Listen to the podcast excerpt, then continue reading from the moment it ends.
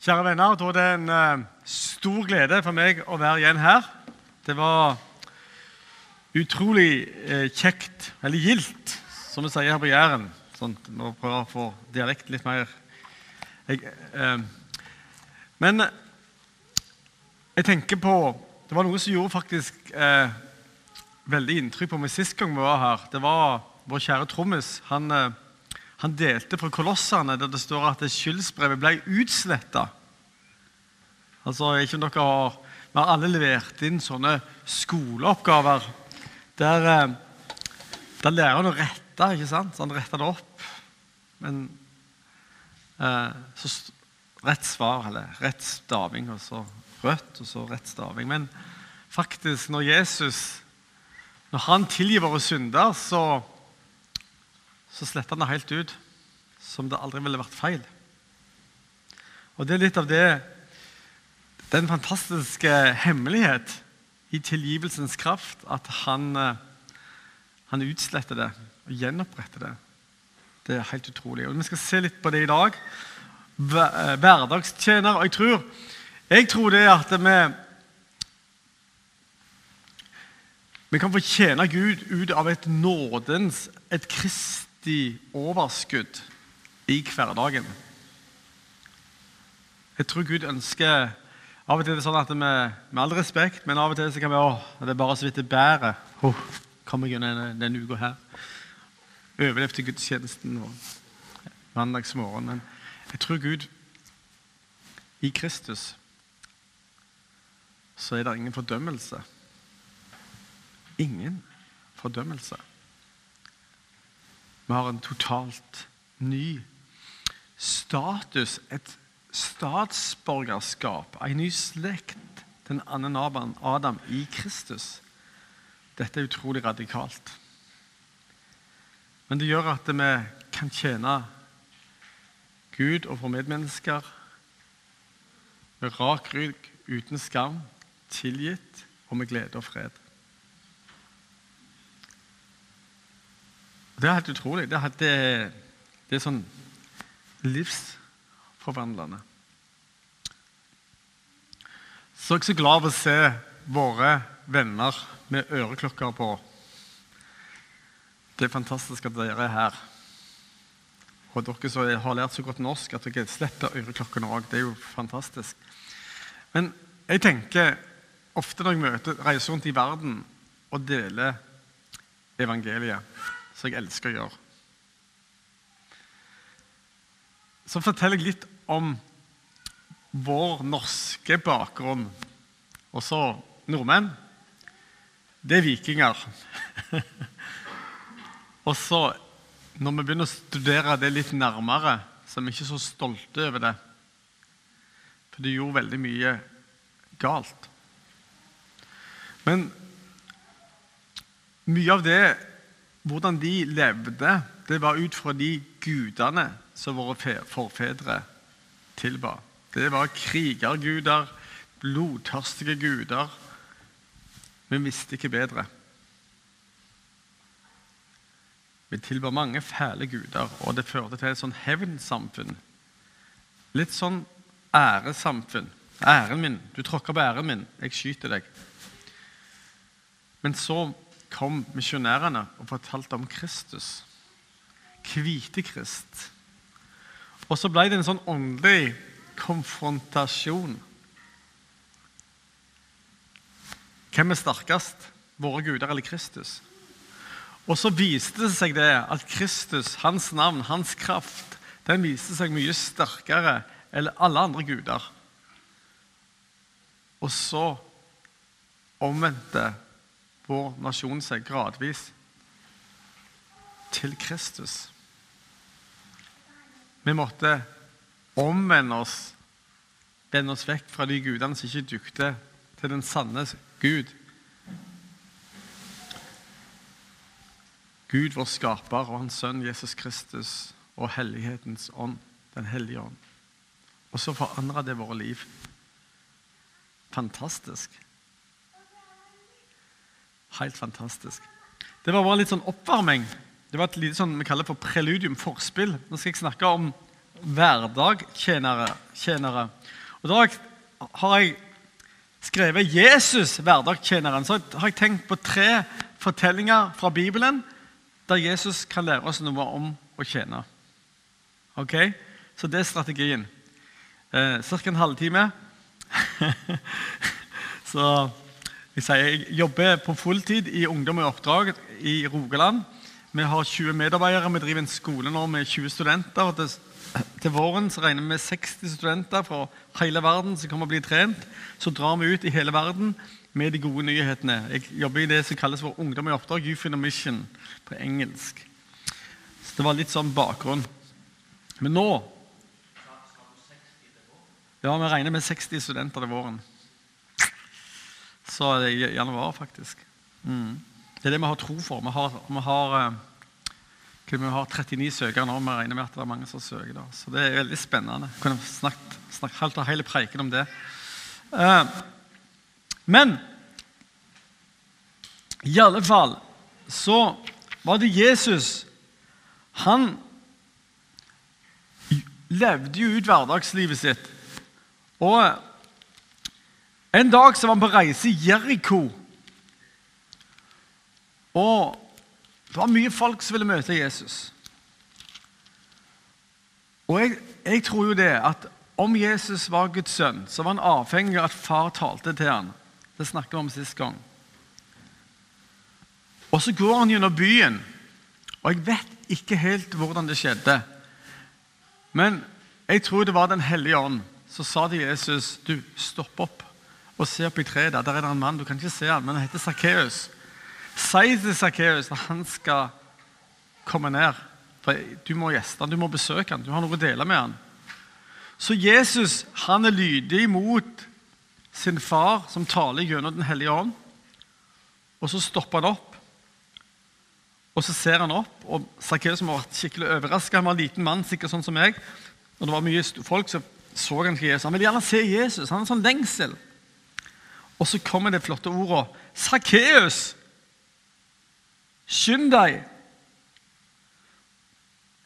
Ned, for i dag vil jeg ta inn hos deg. Han skyndte seg da ned og tok imot ham med glede. Sakkeus var en veldig upopulær mann, for han jobba for romerne. På norsk så har vi et ord som heter quisling. Det betyr at du jobber for fienden og har vendt ditt eget land ryggen. Så mange de var tommelen ned for Sakkeus. Men tenk, han ville Jesus møte. For evangeliet, de gode nyhetene, er for alle mennesker. Absolutt alle og her kommer Jesus, og han kan lære oss noe om dette som er så enkelt at there is no impossible cases for God. Det finnes ingen umulige tilfeller for Gud. Hans kjærlighet når alle mennesker, og han elsker alle mennesker uansett rase, eh, nasjonalitet, kjønn like mye. Fantastisk. Så her ser vi da at Jesus han sier 'Kom'. Og så er det noe med det at i den kulturen så spiste du ikke med hvem som helst, kun de du ville være venner med og ha fellesskap med. Så når Jesus sier du, jeg må komme hjem og spise med deg, så var det egentlig det han sier. Sakkeus, jeg vil være din venn, din fortrolige venn. Og Jeg tror vi snakket om det forrige gang, disse tre a-ene. At vi kan alltid være våken for Guds ledelse. Alltid, alle steder, selv når vi er på reise, og i alle ting. Tre a-er. Og Her ser vi det igjen. Og det er så, det er så vakkert. Sakkeus var kjemperik. Men så møtte han Jesus kjærlighet. Så fikk disse pengene, disse avgudene hans, det fikk så liten verdi. Så sier han du, jeg vil gi halvdelen av det jeg eier, til de fattige. Wow! alle, Det gikk et sus over forsamlingen. Og så og har jeg snødd noen, og har jeg presset penger av noen, skal han få firdobbelt igjen. Wow. Han ble sånn overbevist av Oi, pengene hennes synd han møtte Jesus. Og så Da sa Jesus, står det i, i vers 19,9, i dag er frelse kommet til dette hus. For også han er en Abrahams sønn, og menneskesønnen er kommet for å oppsøke det som er fortapt, og frelse det. Her blir Jesus kalt for menneskesønnen. Kanskje vi kunne sagt mennesketjeneren. Mennesketjeneren. Og Det er noe spesielt med Kristi kjærlighet og Guds kjærlighet. Er, den er nemlig det vi kaller for betingelsesløs. Han elsker oss. altså En, en betinget kjærlighet betyr at 'jeg elsker deg fordi du er snill mot meg'. Men en betingelsesløs kjærlighet den sier 'jeg elsker deg på tross av om du er en drittsekk mot meg'. Unnskyld uttrykket. Men altså Sånn er Gud.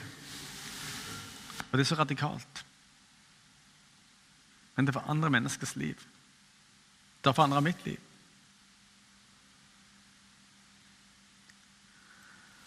Det forandrer mitt liv. Der egoisme, sinne rådde. Der fred, glede og kjærlighet kommet inn. Det er evangeliets kraft. Og vet dere hva? Jeg tror Når vi forkynner i dag, når vi får proklamere de gode nyhetene i dag, så er det en kraft i evangeliet. Evangeliet har en kraft. Den andre historien det handler om Jesus som var med sine venner. Den finner vi i Johannes 16.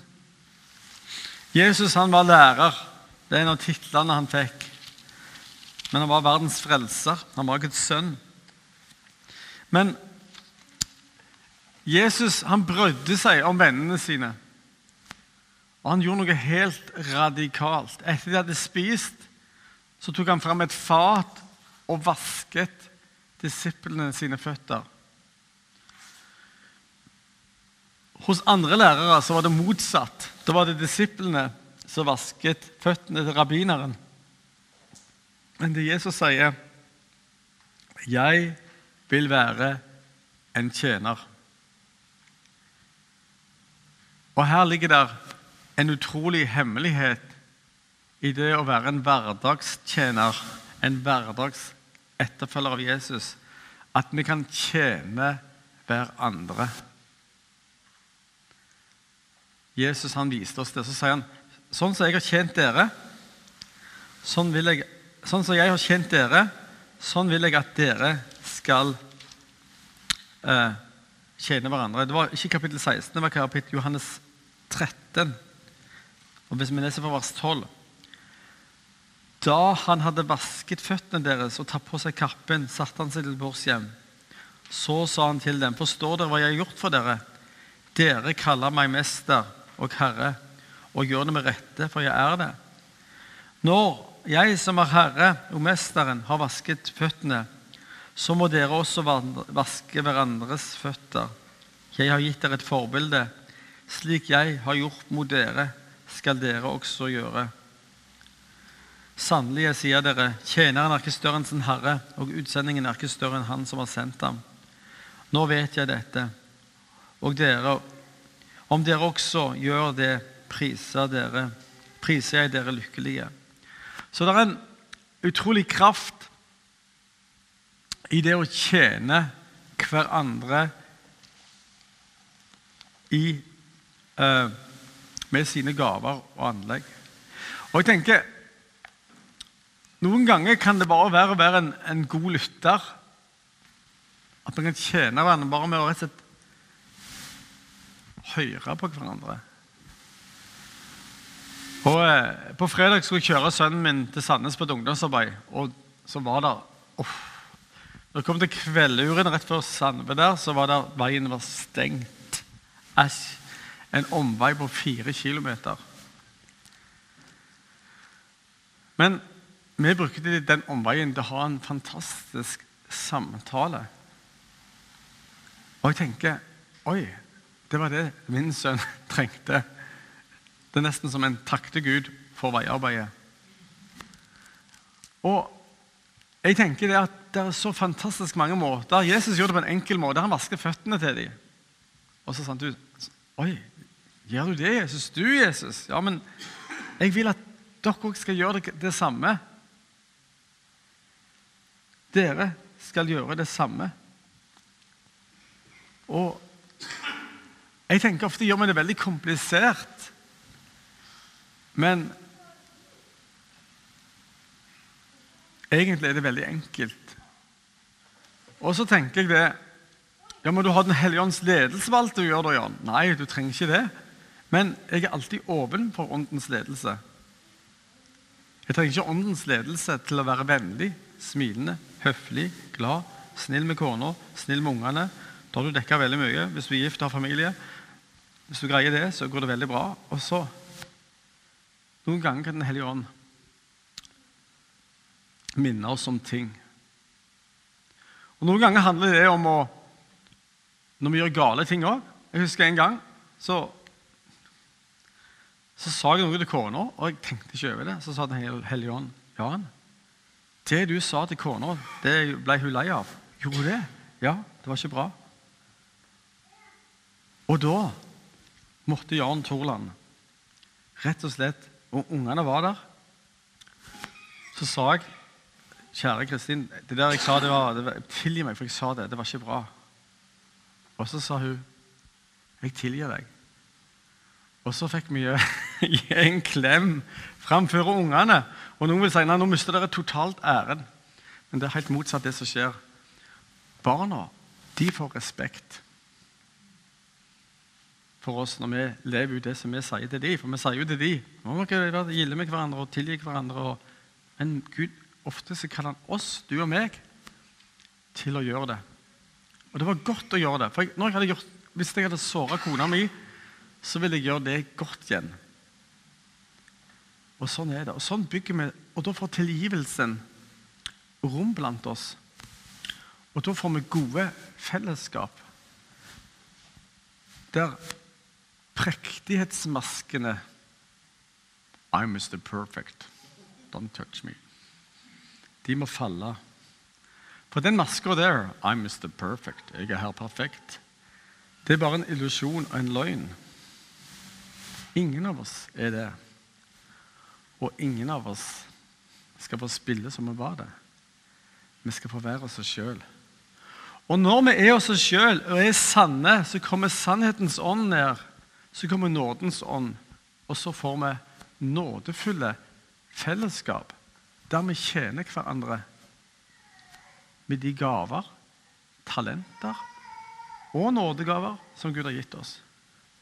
Og så blir det sånne fellesskap så jeg kan ikke ha en mistanke om at dere har her, som gjør at det er utrolig kjekt å komme her på gudstjeneste. Og at en føler nesten en går glipp av noe hvis en ikke er der. Det er det Gud har for dere. Og så handler det om å være hverdagstjenere. Tjene hverandre. Så det å lytte, det tar tid. Det gir noen et måltid. Og jeg vet for mine utenlandske venner, enten de kommer fra Syria eller Europa eller Hellas eller hvor Så det å ha et godt måltid Ofte er det bare en kopp kaffe. En kopp te. Det gjør så mye. Der kommer fellesskapet. Og så er det sånn i mitt liv at vi alle kan ikke hjelpe alle. Men vi kan be at Guds ånd må vise oss en familie, en venn, to venner som vi kan investere i. Og hvis alle gjør det Og hvis alle gjør det, så, blir, så tror jeg behovene blir dekt. Og så er det jo så flott med dere som er flyktninger. Eller for å kalle det det. At dere også har masse å gi oss. Det må dere tenke. Og vi trenger dere. Så jeg sier velkommen. Jeg syns det er fantastisk det å være en hverdagstjener. Og I 1. Peter 4,10 så står det Tjen hverandre, enhver tjen hverandre med den nådegave en har fått som forvaltere av Guds mangfoldige nåde, står det. Mangfoldige nåde. Altså Nåden så, har så mange uttrykk. Så utrolig mange uttrykk. Så noen er pengemenner som liker å styre med penger. Og andre de er praktikere. Andre elsker å synge, lovsynge. Noen elsker å lage mat. Noen elsker å be. De ber helt frivillig. De blir til og med begeistra for det. Andre sier fem minutter er nok. Men de er gjerne praktikere. Og så er det en sånn en utrolig nåde i denne forsamlingen her. Har du tenkt på det? Og vi bare en forsamling. Nei, her er det masse nåde som Gud har lagt ned i hver enkelt. Her er det masse kreativitet som Gud har lagt ned. Og Det jeg kjenner Gud har lagt litt på mitt hjerte i dag, det er gjerne litt sånn uvant, litt sånn, ikke så bedehusaktig. Men jeg tror Gud vil ta dere på et nytt nivå, nytt nivå der vi kan tjene ut fra den nåde Gud har gitt oss, de gavene vi har gitt oss, og et overskudd som ligger i evangeliet. Jeg skal forklare det i neste fortelling. Neste fortelling, da Jesus underviser sine disipler og venner. Og så plutselig blir de avbrutt av et bråk. Et skikkelig bråk. Og stemmer og grining. Og Jesus må jo bare stoppe, og så kommer de skriftlærde med faste skritt. Og så drar de på ei dame, og så kaster de dama framfor framfor Jesus og sier Høy, hun her hun ble tatt på farsken i å ha sex med en mann. I loven så sier de meg at eh, der står det veldig klart at vi skal steine henne. Hva sier så du, Jesus? Tenk dere det. Her òg, vet du. Undervisningen blir avbrutt. De prøver å sette opp ei felle for Jesus. De vil se om han vil fylle loven. Ja, Steinar, hvis han hadde sagt det, så kunne han fått problemer med den romerske loven. Og Hvis han ikke sa det, så sier du ikke sann jøde. Og så gjør Jesus noe veldig rart. Han er helt stum, han sier ingenting. De står og venter. Åh, nå skal vi ha litt action her. Blod. Så skriver Jesus. Han bøyer seg ned, og så skriver han i sanden. Jeg vet ikke helt hva Jesus skriver. Det er mange som lurt på det. Hva var det Jesus skrev på sanden, i sanden? Kanskje var det stjeling, baksnakking, mord, utroskap. Det som skjer, det er iallfall at plutselig så kommer det en sånn en flau stillhet. Der folk kjenner seg igjen. De kjenner Oi, hvem er jeg?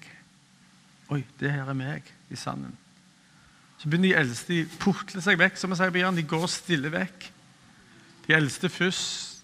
Og jeg òg må gå her. Det var Min synd sto òg der. Og til slutt så er Jesus alene med kvinna. Og da er det noe utrolig vakkert som skjer. Denne fortellingen er skrevet i Johannes evangelium. 8 kapittel 1 til og med 11. Og I vers 9b så står det til slutt var Jesus alene igjen med kvinnen som sto der. Da rettet han seg opp og spurte, 'Kvinne, hvor er De? Har ingen fordømt deg?' Hun svarte, 'Nei, Herre, ingen.' Da sa Jesus, 'Heller ikke jeg fordømmer deg. Gå bort og synd ikke mer.' Wow. Heller ikke jeg fordømmer deg. Gå bort og synd ikke mer. Hvordan kunne Jesus si det? Jo, fordi noe senere så ble Jesus tatt på et kors. Han ble tatt på et kors. Og eh, ifølge Skriftene, våre skrifter i Bibelen Og de er veldig pålitelige. Johannesevangeliet ble skrevet rundt om år 90 etter Kristus. Og de første eldste skriftene vi har fra Johannesevangeliet, de er ca. på 120. Så det er bare et gap på én generasjon. Så kjære venner, dette her skjedde. Det er pålitelig. Altså, Bibelen er ikke blitt forandret, som noen av våre muslimske, eller mange muslimer tror. Dette skjedde, venner. Det, det er vitenskapelig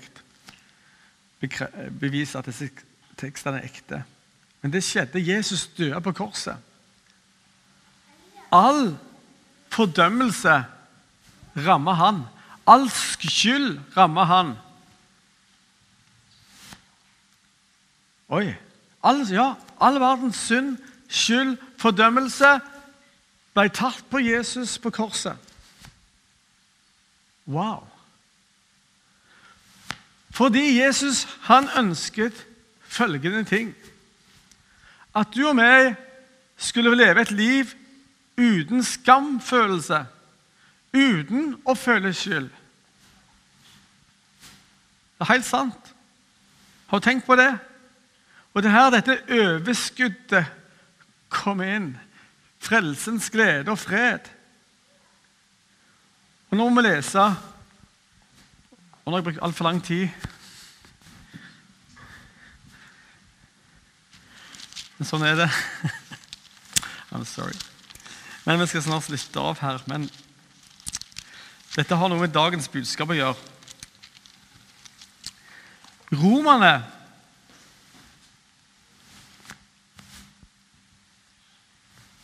åtte Så står det Så er det da ingen fordømmelse for den som er i Kristus Jesus. For Åndens lov som har, gir liv, har i Kristus gjort meg fri fra synden og dødens lov. Altså Når vi tror på Jesus og sier 'Jesus, jeg vil tro og følge deg', da blir vi i Han. Det er akkurat som vi kommer opp i Jesusbåten. Det blir et nytt status. Status. Vi får en ny status. Vi blir rettferdiggjort. Gud ser oss i Jesus som vi aldri skulle ha synda. Det var derfor Tveit leste så fint, som ble så velsigna, at det ble sletta ut. Skyldbrevet ble sletta ut totalt. Så kjære venner, her er de gode nyhetene som vi kan gå ut i hverdagen med og tjene i hverdagen med. Vi er uten skyld, totalt uten skyld. Fordi Jesus bar vår skyld. Vi er totalt uten skam. Ja, Kanskje du skammer deg over fortida og noen ting du har gjort. Men vet du hva, når du har brakt dem til Jesus, så er de utsletta. Da sier han nå vil ikke du skal skamme deg mer over det. Nå skal du ikke føle mer skyld over det. Jeg har jobba i fengsel. Og straff Vi tror at ja, nå var du sånn ferdig det, da er det, det er ferdig. Men det er ikke ferdig. Bare dra det unna og spør folk. Nei. Skylda henger ved. Fordømmelsen henger ved. Men når vi vet at Jesus har tatt det vekk, så blir vi òg fri. Totalt fri. Så kjære venn, vi som tror på Jesus, vi kan gå ut i hverdagen i Jesus, for det er der vi lever. Han har satt oss Når vi tror på Jesus, er vi satt i Han. Og han er alfa og omega, så vi lever i Han. Det er din status. Det er mer enn en følelse. Det beror ikke på følelser. Det er noe som er rettslig gyldig for deg, for alle oss som tror. ikke det fantastisk? Jeg, jeg tør ikke si halleluja her på Vedehuset, men, men altså, vi burde sagt det, faktisk. Du burde sagt halleluja, det er fantastisk. Å, jeg er så glad. Jeg, mitt liv trenger ikke være dominert av skyld og skam, for Jesus har tatt, og han lever i meg ved Den hellige ånd. Oh, yes! Beklager. Uh. um. Nei, men Jeg skal ikke lage noen stereotyper av, av, av bedehusfolk. Men jeg, jeg, er veldig begeistra av natur. Jeg er en ekstrovert, en latino. Jeg liker å uttrykke følelser. så det er litt dere får med når dere inviterer meg. Men faktisk er dette sånn som jeg kan gjøre alene òg. Wow! Hva betyr det? Du kan gå ut her når du tror på Jesus. så trenger ikke du å... Og det er så galt med meg. og jeg får det ikke til. Nei, men det, det, det, er ok, det. Men Jesus har fått det til for deg. Så da kan du reise, rette deg opp og si 'Jesus fikk det til'.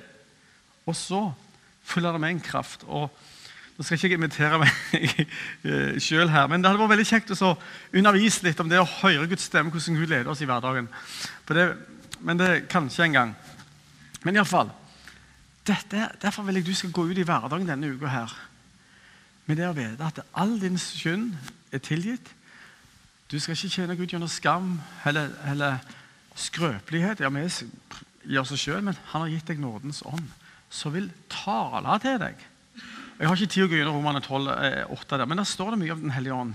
For står det at Den hellige ånd han er ikke sånn som sier Den hellige ånd blir kalt for sønnekårets ånd, som gjør at vi roper 'Far! Pappa!' Hvordan kan vi gjøre det? Jo, fordi Jesus har betalt all vår synd. Vi er sønner og døtre av Gud. Og han, han sånn sier, 'Ja, du er tilgitt. Du kan kalle Gud for pappa.' Wow! Det er helt utrolig, men sant.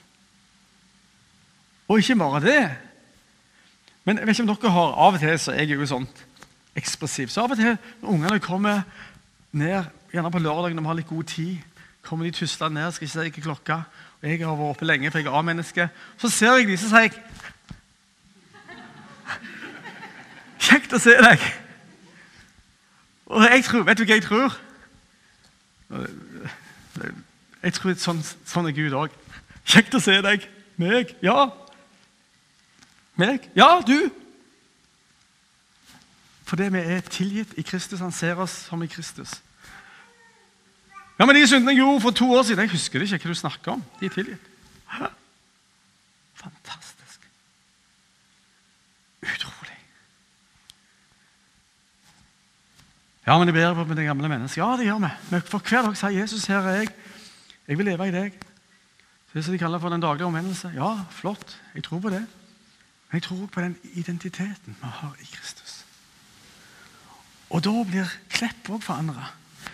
Når vi tør sette, være i den statusen, i den standen som Gud har gitt oss, i den slekta som Gud har gitt oss, annen Adam. Så vi skal få lov til å være hverdagstjenere i evangeliets kraft og glede. Og så skal Den hellige ånd forlede oss. Og det er jo så fint at hvis, hvis du trenger hjelp, så kan du si 'Gud, hjelp meg med Den gode hellige ånd'. Og da tror jeg faktisk at Gud kan gi deg tanker. Han kan lede deg. Han kan til og med noen ganger gi deg bilder, bibelvers. Det er så spennende, denne vandringen med Den hellige ånd. Og Noen ganger så leder han deg uten at du vet det sjøl. For han er virkelig opptatt av at du skal få lov til å gå med Han. Så, kjære leder, det er ingen fordømmelse for den som er Jesus Krist. Den som tror på Han. Det er ingen fordømmelse. Det er fantastisk å være en kristen. Og da blir hverdager Før var det sånn for meg at å, hverdager og liker ikke mandager. Kjære venner for oss som er troens folk. Mandager er mulighetsdager. Tirsdager, onsdager, torsdager, fredag og lørdag. Det blir mulighetsdager. Der vi kan få lov å tjene Gud gjennom jobben vår, som er vår kall. og Møte mennesker der og gjøre en god jobb på den måten peker på Jesus. Og så vil han lede deg. Han vil gi deg øyeblikk der du kan få sove inn. Så tjen Herren med glede, ikke i fordømmelse men i glede og fred. For fordømmelsen din, den du måtte kjenne på det, den tok han på korset. Jeg beklager, jeg gjentar meg sjøl, men dette er så frigjørende. Jeg har en sånn distinkt følelse av at dere trenger å høre det. For vi, Det er noen sånne grunnkrefter som drar i oss hele tida, som drar oss tilbake til oss sjøl. Da må vi la alltid Guds ånd, Guds ord, få korrigere oss, som er i det rette, i nådens status eller stand. La oss be. Kjære Gud, takk for Kristus. Takk for han var forbilde, som tjente sine venner med å vaske føttene deres. Han var på reise, hadde han tid for den byas versting. Og når han underviste, så lot han seg bli avbrøten for å betjene et menneske. Far, la det mønsteret der som du viste i din sønn Jesus Kristus, prege oss. Og la oss få, frem, få lov til bare å være mennesker som har en usigelig glede, som vil smitte folka rundt oss, og de kommer og spør hva har du Takk, Jesus. Jeg bare takker deg for det. Så Velsign deg hver enkelt. Jeg ber spesielt for våre flyktninger og våre venner fra andre land i dag. At de kan få kjenne det at Jesus, du er Guds sønn, og det er ingen fordømmelse for den som er i deg. Man kan få tro på deg. Så ber jeg for folk som sliter, for det gjør vi alle på ting, at de kan få lov til å legge det over på deg. Og så ser de at det er ingen fordømmelse hos deg. Du står med åpne armer. Velsign barna, tenåringene, alle familiene. Far, velsigne oss alle sammen. Takk for din nåde. Vi avslutter her med en utrolig glede. I Jesu navn. Amen.